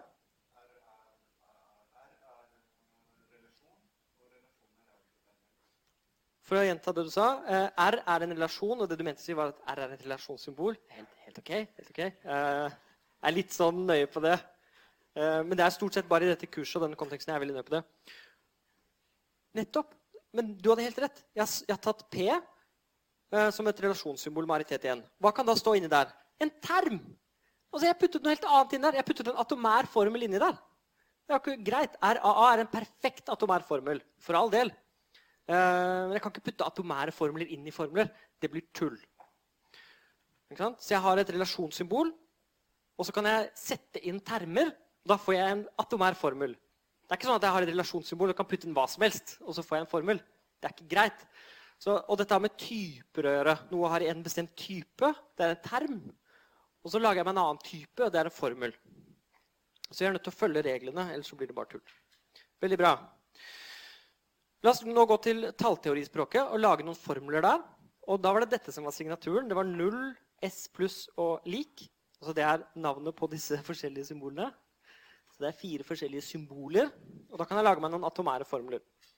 La oss lage den enkleste atomære formelen jeg kan klare å lage. Det er null er lik null. Og nå skriver jeg null infix fordi det ser bedre ut, og det er det vi er vant til. Og det er en atomær formel fordi dette er et relasjonssymbol som kommer herfra. Og disse nullene de kommer herfra, begge to, og det er begge to termer. Så dette er en, dette er en lovlig atomær formel fordi de er en riktig type. Så kan jeg si at S av 0 er lik 0. Og da setter jeg sammen den, S0, som er en term, sammen med den, som er en term, sammen med dette, som er en relasjonssymbol, og da får jeg den, som er en formel. Kjempefint. Og så, nå blir det enda mer spennende. Nå kan jeg ta en sammensatt term, nemlig at S0 pluss S0 det er en term. Hvorfor er det en term? Da må vi grave oss inn. Jo, fordi det er en term, og det er en term, og dette er et funksjonssymbol. Ah, fordi Så lenge jeg kan, jeg kan bruke funksjonssymboler på uh, andre termer, så får jeg nye termer. Faktisk så begynner det der med null, og så får jeg S0 som er en term, og så får jeg 0 begynne med null, og så får jeg S0 som er en term. Så hele det uttrykket som jeg setter firkant rundt nå, er én term. På samme måte så er dette en term. Og så vet jeg at den som er i midten der, det er et relasjonssymbol, for det kommer jo herfra, så det er greit. Da er jeg term pluss relasjonssymbol pluss term. Ariteten er riktig. Da har jeg klart å lage en atomær formel, og den uttrykker ikke noe annet enn at 1 pluss 1 er 2. I dette språket, da. Vi har ikke, tall, vi har ikke sifrene 1 og 2 her, så vi må uttrykke 1 pluss 1 er 2 på en annen måte. Så da er dette en måte å gjøre det på. X er lik 0 det er en annen atomær formel. Eller f.eks. x pluss y er lik y pluss x. Det er en annen atomær formel. Og så, videre. så nå har jeg sagt hva formelen uttrykker, da. men forsøk å se det for, for denne. Hva er det den uttrykker? Og Legg merke til at vi ikke har satt noen parentese bak S, og så bruker vi innfiksnotasjon. Her er noe som ikke er en atomær formel. Nå setter jeg rød firkant rundt den. Hvorfor er ikke det en atomær formel? Det er fy-fy, ja? Nettopp. Så det du sa, var at det som står her, på høyre side, det er faktisk ikke en term. Og det er riktig. Fordi her er det et relasjonssymbol lik, og det skal ha to termer ved siden av seg. Og her har jeg satt en atomær formel igjen, så jeg tulla det til. Så det er ikke greit å gjøre. Og tro meg, hvert år så retter jeg 300 eh, besvarelser, eksamensbesvarelser, og det er alltid noen som har gått glipp av dette poenget. Ehm, at eh, du ikke bare kan sette inn hva du vil hvor som helst. Ja. Hva med denne, da? X pluss SX. Er ikke det en fin uh, formel? Den er fin, men det er ikke en formel. Hvorfor er det ikke en formel? X pluss SX. Hvorfor er ikke det en atomær formel? Ja? Det du sa var, Den kan ikke ha noen sannhetsverdi. og Jeg er veldig glad for at du sa det, for det er intuisjonen. Intuisjonen bak en atomær formel er at den faktisk har en sannhetsverdi. Intuisjonen bak en term er at den representerer et element. Og Det er viktig å ha den intuisjonen i bakhodet. Så men vi kan også argumentere for at dette ikke er en atomær formel ved å si at vet du hva, det er en term, dette her. Eh, en atomær formel må bestå av et relasjonssymbol sammen med noen termer. Her har vi bare en term. Det er derfor ikke en atomær formel. For at det skal være en atomær formel, så må du ha et relasjonssymbol. Faktisk. Det går ikke an å lage en atomær formel uten å bruke relasjonssymboler. Du må bruke noe av det som står her på den siden. Etter det siste semikolonet så er det noen symboler. Og I dette språket her så er det kun ett relasjonssymbol. Så absolutt alt du kan uttrykke i dette språket, har med likhet å gjøre. Du kunne godt hatt med en masse andre relasjonssymboler, som f.eks. mindre enn eller lik-symboler. Det er et veldig fint symbol som man ofte bruker. Eller andre symboler. Men i dette språket eh, så har du kun da likhetstegnet. Men jeg er veldig glad for at du sa det, fordi intuisjonen er at atomære formler er de som skal tolkes som sanne eller usanne. Termer det er de som tolkes som elementer. Veldig bra. Så Dere er med i dag. Eh, dette er bra. Ok, La oss se på mengdelærespråket og se på hva slags atomære formler kan vi lage der. Og Gjenta igjen signaturen. Dette er symbolene i signaturen. Og her har vi to relasjonssymboler. Kjempegøy. Da er det masse spennende formler vi kan lage. Eh, la oss prøve å lage noen formler. X er et element i Y. er en formel. X er et element i Y snittet med Z. Det er også en formel. Og da setter vi sammen en term med en annen term. Og dette er en term fordi det der er et funksjonssymbol, og dette her er termer. Så dere ser igjen uh, induktivt, induktivt, definerte mengder nå, men lag på lag. Uh, det er en induktivt definert mengde under som vi nå bruker litt. Vi skal nå bygge videre på den. X er lik Y og alt dette her, det er um, atomære formler. Her bruker vi en infiksnotasjon, og dere kan selv se på hva de betyr. Så nå er vi ferdig med atomære formler. Nå skal vi endelig lage sammensatte formler. Er det noen spørsmål til dette før vi går videre og gjør det? Nei? Ok. Definisjonen. Dette er den viktigste definisjonen i denne forelesningen. Og denne skal være med oss de neste fire forelesningene. Så det er derfor det er viktig å få den med seg. Og Den fyller da denne siden. Den er ikke så voldsomt stor, men anta at et førsteordnet språk er gitt. Det ligger alltid i bånn. Og nå har vi sett tre sånne løpende eksempler. Det enkle språket, tallteorispråket og mengdelærespråket. Anta et eller annet sånt er gitt, og Dere kan godt ha et av de i bakhodet. Mengden av førsteordens formler, eller bare formler, er den minste mengden slik at følgende holder. Alle atomære formler er formler. Absolutt alt det vi har definert nå av atomære formler, sånn som x er like x osv., det er formler. Og så kommer denne her, og det er at hvis oh, fi og psi er formler, så er alle disse her også formler. Dette er nøyaktig det samme som i utsagnslogikk. Men vi bruker disse greske bokstavene. Og dette gjør jeg av to grunner. Den ene grunnen er at dere skal se dem eh, og bli vant til dem. Og det andre er at det er ganske vanlig å bruke greske bokstaver som symboler for førsteordens formler. Igjen, Det er greit å bli vant til dem. Det er en gresk fi og en gresk psi. Og hvis dere skal skrive dem, så er det bare å forsøke å få til å ligne på det der. Så det er egentlig bare å lage en, en sånn krusedull og en sånn annen krusedull. Så ligner de på de greske. Men det er jo sånn vi lærer bokstaver, eh, også i vårt alfabet. Og de er bare plassholdere. Kunne gjerne stått en firkant og en trekant der. Eh, ok, Foreløpig så er dette nøyaktig det samme som utsagnslogikk. Og nå kommer da eh, klimakset. Eh, hvis fi er en formel og x er en variabel, så er disse to også formler. Og det som skjer nå, da, er at dette er en tillukningsegenskap. Så du plukker fi fra den mengden du driver og definerer. Og hvis du vet at det er en formel, og det eneste vi vet er formler nå, det er atomære formler, sånn som x er lik x. La oss bruke det som et eksempel. x er lik x. Det er en fin formel, så vi kan la den være fi. Og så kan vi la x være en variabel, og da skal for alle x fi og eksisterer x fi også være formler. Da skal vi da kunne skrive for alle x sånn, og så det som vi nå vet er en formel, sånn. Og vi skal kunne skrive eksisterer x, og så det som sto der bak. Sånn. x. Og vi skal lukke under den. Så hvis vi plukker en formel og plukker en variabel, så skal vi bare kunne legge til for alle den variabelen foran det som kommer bak. Det, legg også merke til at det legges ikke til noen parenteser her. Eh, sånn som det. Og det er en spesifikk grunn til det, og det er at det ikke trengs. Det skal vi si litt om. Ok, Så dette er, dette er hele definisjonen. Um, det er en induktivt definert mengde av formler. Nå er vi ferdig med det. Det er denne vi skal bruke uh, resten av de, de, tre neste forelesningene. Det er også noen sånn terminologiting som vi må snakke om. Uh, alle forekomster av en variabel x i fi sies å være bundet i formlene for all x fi og eksisterer x fi og innenfor skopet til den gjeldende kvantoren. Så La meg forklare hva det egentlig betyr eh, på vanlig språk. La oss ta en formel. En eller annen formel. La oss bare bruke dette som en plassholder for den formelen. Og oppi den formelen så er det en x. Og det er kanskje en z. La oss anta at det er det. Så det er formelen. Og så står det her hvis det er en formel, og x er en variabel, så skal jeg kunne legge til utenfor for alle x og så z. Eh, for alle, mener jeg. Eh, og så x, ikke z. Sånn. Det der som står der, er nå en formel. Og det vi sier, da, er at den forekomsten her av x inni der et eller annet sted Vi sier at den er bundet. That's it. Det er det som står her nede. En variabel x i fi sies å være bundet. Og så sier vi også at den er i skopet til den gjeldende kvantoren, og det er den der. Så den x-en er i skopet til den. Det er litt sånn at du, du ser med du er, Hvis du er fra alle kanter, så ser du med inn i skopet ditt, og så ser du Der, der er jeg. Ok, anyway. Uh, igjen er det veldig sånn fysisk forhold til disse tingene. Det er fordi jeg har jobbet med det.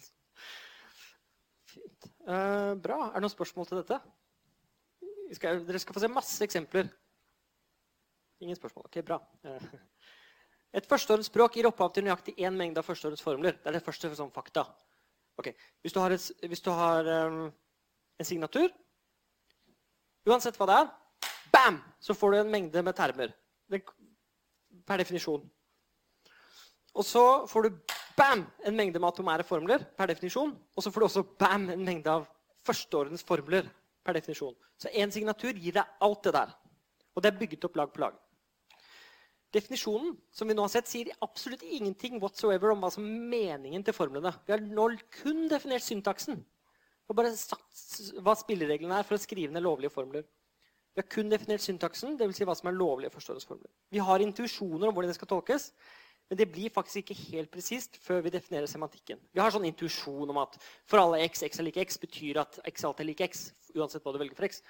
Men vi kommer til det veldig presist når vi skal tolke dette. Bokstavene fi og psi er de greske bokstavene fi og psi. Fordi de kunne brukes som plassholdere, kunne de like gjerne vært andre bokstaver, f.eks. f og g. Men det er mange som bruker nettopp disse greske bokstavene for førstehåndsformler. Det skal vi også gjøre. Begrepet skop er det samme som i programmeringsspråk. Jeg vet ikke om dere har snakket om eh, det, men hvis du definerer en funksjon i et programmeringsspråk, så sier du ofte at denne funksjonen tar et visst argument. Og da, er, eh, da lager du da altså et skop, og det er inni den konteksten at den variabelen er synlig. Hvis du er et helt annet sted i programmet, og så snakker du om den variabelen, så er det ikke sikkert at den som tolker programmet, skjønner hva du mener. Og så sier den oi, denne variabelen er udefinert. Og da har man gjerne tulla litt med dette skopet. da. Og det er viktig. Så når vi deklarerer eller definerer en variabel i et programmeringsspråk, så har denne ofte et bestemt skop. Det er der hvor variabelen er synlig. Uh, dere, begrep, eller, dere, kommer til å høre begrepet om statisk og dynamisk skop. Uh, og det handler om hvor variablene er synlige i programmet. Det verste tilfellet er hvis du har sånn globalt skop. sånn at uh, uansett hvis du de definerer en variabel, så er det synlig overalt hvor du er. Det er ganske uvanlig. veldig ofte så har man sånn begrenset skop um, i de programmeringsspråkene som er de mest vanlige. Men hvordan dette er definert, varierer fra programmeringsspråk til et annet. Dette er litt som å lære et nytt programmeringsspråk. Uh, så forskjellen er faktisk ganske presis. Eller uh, likheten og analogien er ganske presis. Sakte, men sikkert så skal vi bygge opp intuisjonen om hva forstårens formler uttrykker, før vi faktisk definerer semantikken. Så det jeg skal bruke resten av tiden på nå, det er faktisk å gi dere masse eksempler på førsteordens formler og hva de betyr. Uten å ha en formell semantikk. Så nå skal jeg faktisk gjøre dette med å bare måke på med masse eksempler, sånn at vi bygger opp intuisjonen. Og så senere, neste forelesning, så skal vi eller neste uke faktisk, så skal vi definere en veldig presis semantikk. Kanskje vi kommer til det allerede på torsdag.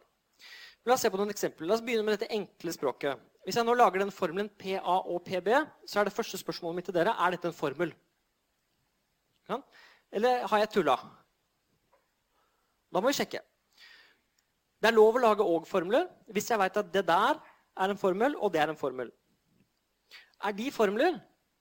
Ja, fordi A er en, eh, en term, og P er et eh, relasjonssymbol. Ariteten stemmer. Alt funker fint. Er det en term? Er det en term? Det ser ut som det også stemmer fint. Bortsett fra én ting. Det er at Hvor kommer B-en fra? Nå skal jeg gjøre en litt sånn teit ting. Jeg skal anta at B er med i språket. Vi bare fikser hvis det er et problem. Jeg tror pro informatikere og matematikere er de beste problemløserne i hele verden. fordi hvis det er et eller annet som ikke stemmer, så bare reparerer vi. Sånn. I likhet med veldig mange andre. da. Altså, mange. Sånn. Vi later, som om dette er signaturen vår, sånn at dette faktisk er en, en, en formel i språket. Lurer på om kanskje dette er en feil i boken, faktisk. Eh, hmm. Kan være det. Eh. Ja, det kunne vært en variabel, var kommentaren og spørsmålet fra salen. og det er jeg enig i, men konvensjonen her er vanligvis at vi bruker x y og z som variabler. Og det har jeg også forsøkt å gjøre helt systematisk. Eh, så jeg er nokså sikker på at eh, språket burde inneholdt eh, konstantsymbolet b for at dette skulle vært lov. Så det var en formel, og den uttrykker at p er sant for a, og at p er sant for b. Nå er det ikke noen flere b-er. Nå skal vi jobbe med de andre formlene. Denne formelen her den er korrekt laget fordi px er en atomær formel. altså Jeg har lagt til eksisterer x utenpå den uttrykker at det finnes en x slik at px. Det er det som er intensjonen bak den formelen og den måten å konstruere nye formler på. Og denne, for alle x, er det slik at px. Hva med denne formelen her? Der står det altså ikke rax. Og jeg vil påstå at rax det er en fin måte å uttrykke på at a er relatert til x. Og da må jo dette uttrykke at a ikke er relatert til x. Og fra nå av så blir det mer og mer komplekst og mer og mer interessant. Hva er dette her? For alle x, for alle y, RXY. Vel, hvis jeg bare leser det ut, da, og det er det jeg vil dere skal gjøre nå, det er for alle x og for alle y, så er det slik at r er relatert R relaterer X til Y. Eller X er relatert til Y vi er. På en eller annen måte så betyr det at Uansett hva du velger for X, hva du velger for Y, så er de relatert. Med andre ord, relasjonen er universell, eller alt er relatert til hverandre. Hva hvis jeg setter eksistenskvantoren foran og sier eksisterer X, eksisterer Y, er xy? Så vil jeg påstå at det betyr at noe er relatert til noe. Det fins en X, det fins en Y, sånn at X er relatert til Y. Så dette er en måte å uttrykke på at relasjonen ikke er tom, eller at noe er relatert til noe annet. Hva om jeg setter eh, negasjonstegn foran hele?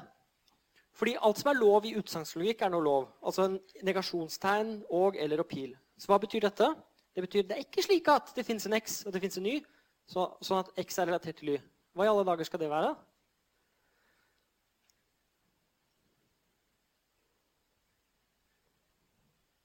Vel, jeg vil si at det betyr at relasjonen er tom.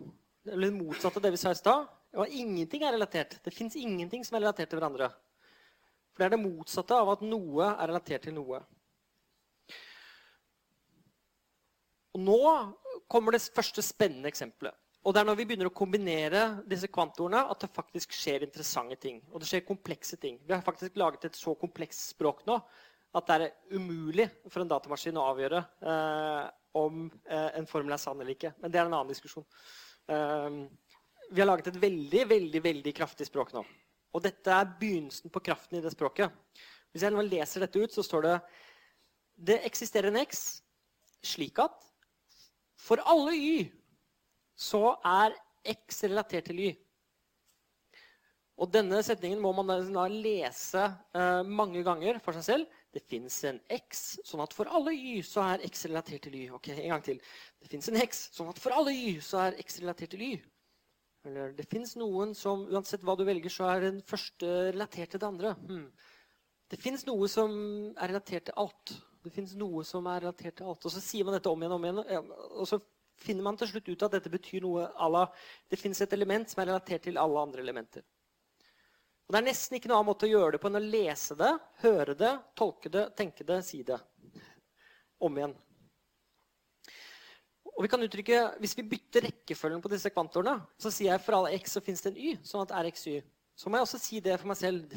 For alle x så finnes det en y, sånn at r relaterer x til y. For alle x så finnes det en y, sånn at x ser y, eller noe sånt. For alle så finnes det noe som er relatert til. Og så gjør man denne øvelsen mange ganger, og så finner man at det der betyr for alle elementer så finnes det et element det er relatert til.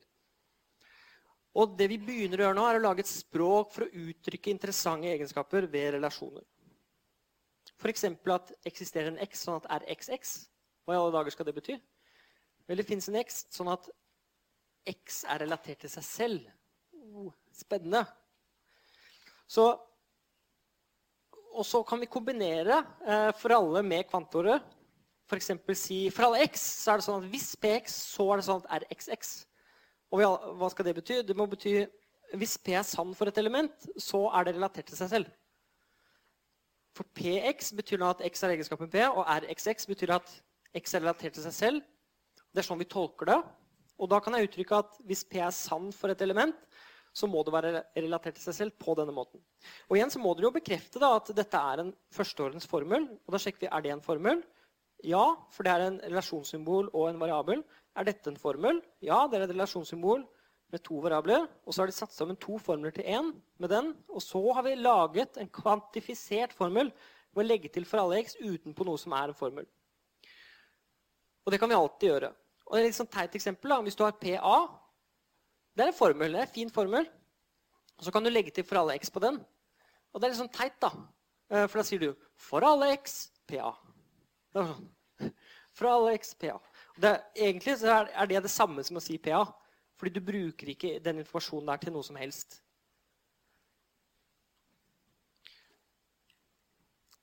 Og vi kan si det motsatte også. For alle x, hvis r xx, så er px. Og da sier du det motsatte, at p er sann for alle elementer som er relatert til seg selv. Fordi for alle x så er det sånn at hvis x er relatert til seg selv, så må egenskapen p holde for x. Så dette er eksempler på hvor mye vi faktisk kan uttrykke med det lille språket vi har laget. Så vi kan faktisk uttrykke egenskaper ved uh, både funksjoner og relasjoner på denne måten. Er det noen spørsmål til det dere ser nå på skjermen? Før jeg går videre. For nå skal jeg gjøre det samme for de to andre språkene.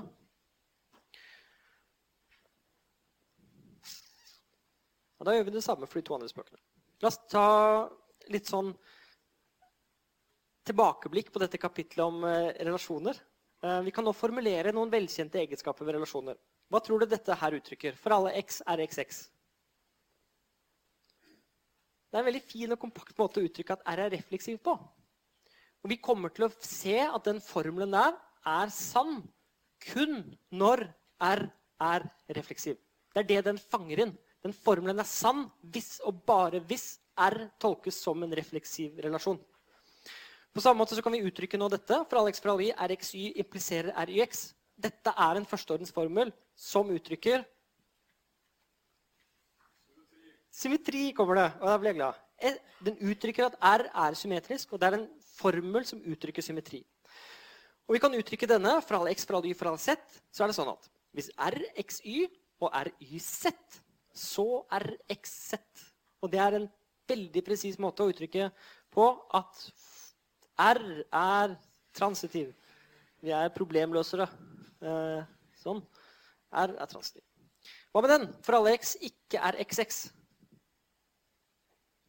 Og det var verre. Det er en universell formel, og den sier at uansett hva du velger, så er den du velger, ikke relatert til seg selv. Den er irrefleksiv. Veldig bra. Uh.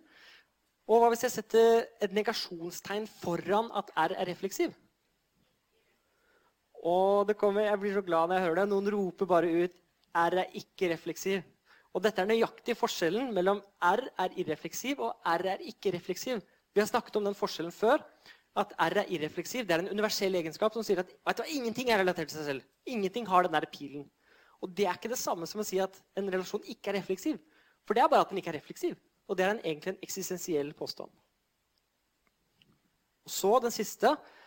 Um, for alle x for alle y, hvis r x y, så er det ikke sånn at rx RxY, hva betyr det? Det betyr at hvis, uansett, hvis R er relatert, R relaterer x til Y, så relaterer den ikke eh, x til Y. Og det er en forferdelig dum ting å si. Eh, det er veldig vanskelig å gjøre denne formelen Ok, Det går an å gjøre den sånn, men det er en annen ting. Um, så det jeg helst vil skrive her, da lurer på om det er en feil i boken også. sånn til dere som er sånn på jakt etter feil. Det er veldig fint at dere finner masse feil i boken. Sånn. Sånn. Fin.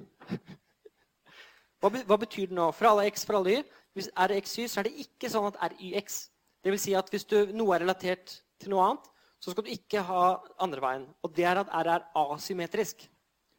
Og dette er i en annen oppgave, tror jeg. Definisjonen av asymmetrisk og det. Og så, så, er det jo sånn Har vi ikke lært en eller annen til? Denne med antisymmetri. Jo, det har vi jo lært. Men den er ikke der. Hvorfor er ikke den der? Vel, i dette enkle språket Eh, så kan vi ikke beskrive antisymmetri. Fordi vi har ikke likhetstegn med i språket. Vi hadde bare med A og kanskje B, da, avhengig av hvordan man ser på det. F og G og P og R. Men vi hadde ikke med likhetstegnet. Og en oppgave til dere er jo faktisk å uttrykke antisymmetri hvis dere hadde hatt med likhetstegnet. Det er ikke noe vanskelig, men det er ikke med, og derfor kan vi ikke eh, gjøre det. La oss nå se på tallteorispråket og se om vi kan uttrykke noe interessant om det. Så dette her er eh, noen sammensatte formler i tallteorispråket. Hva uttrykker dette her? Og når Intuisjonen nå er at S av noe det er suksessoren til noe eller etterfølgeren til noe. Null det uttrykker null, altså symbolet null representerer null. Så hva står det egentlig her? Det står det er ikke slik at S av null er lik null. Og S av null er jo 1.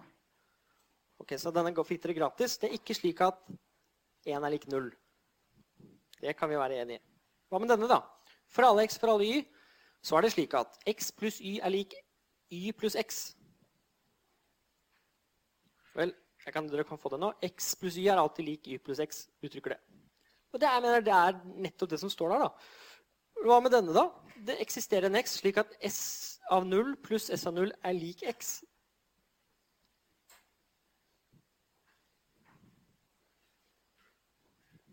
Noen som har noen forslag til hva dette i alle dager skal bety? Ja?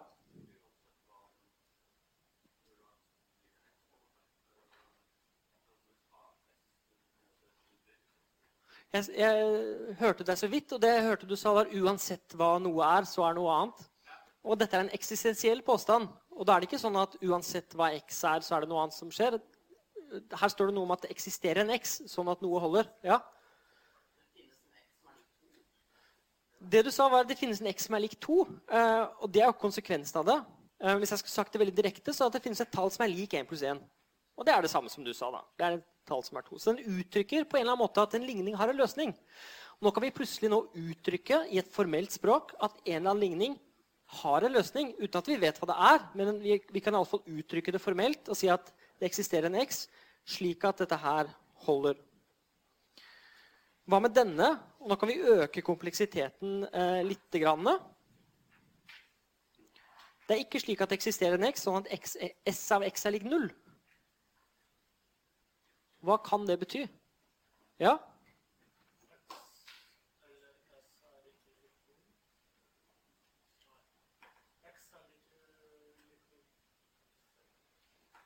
Det står der at uh, S av x er lik null. Skal ikke være tilfelle for noen x. Og En måte å uttrykke det på er at null ikke er etterfølgeren til noe tall på. Og Dette er en måte å uttrykke at uh, tallene begynner med null.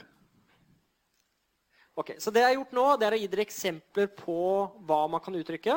Så på torsdag så fortsetter vi her. Og så jobber vi enda mer med å, å bruke faktisk dette språket til å uttrykke interessante ting. Så vi ses på torsdag.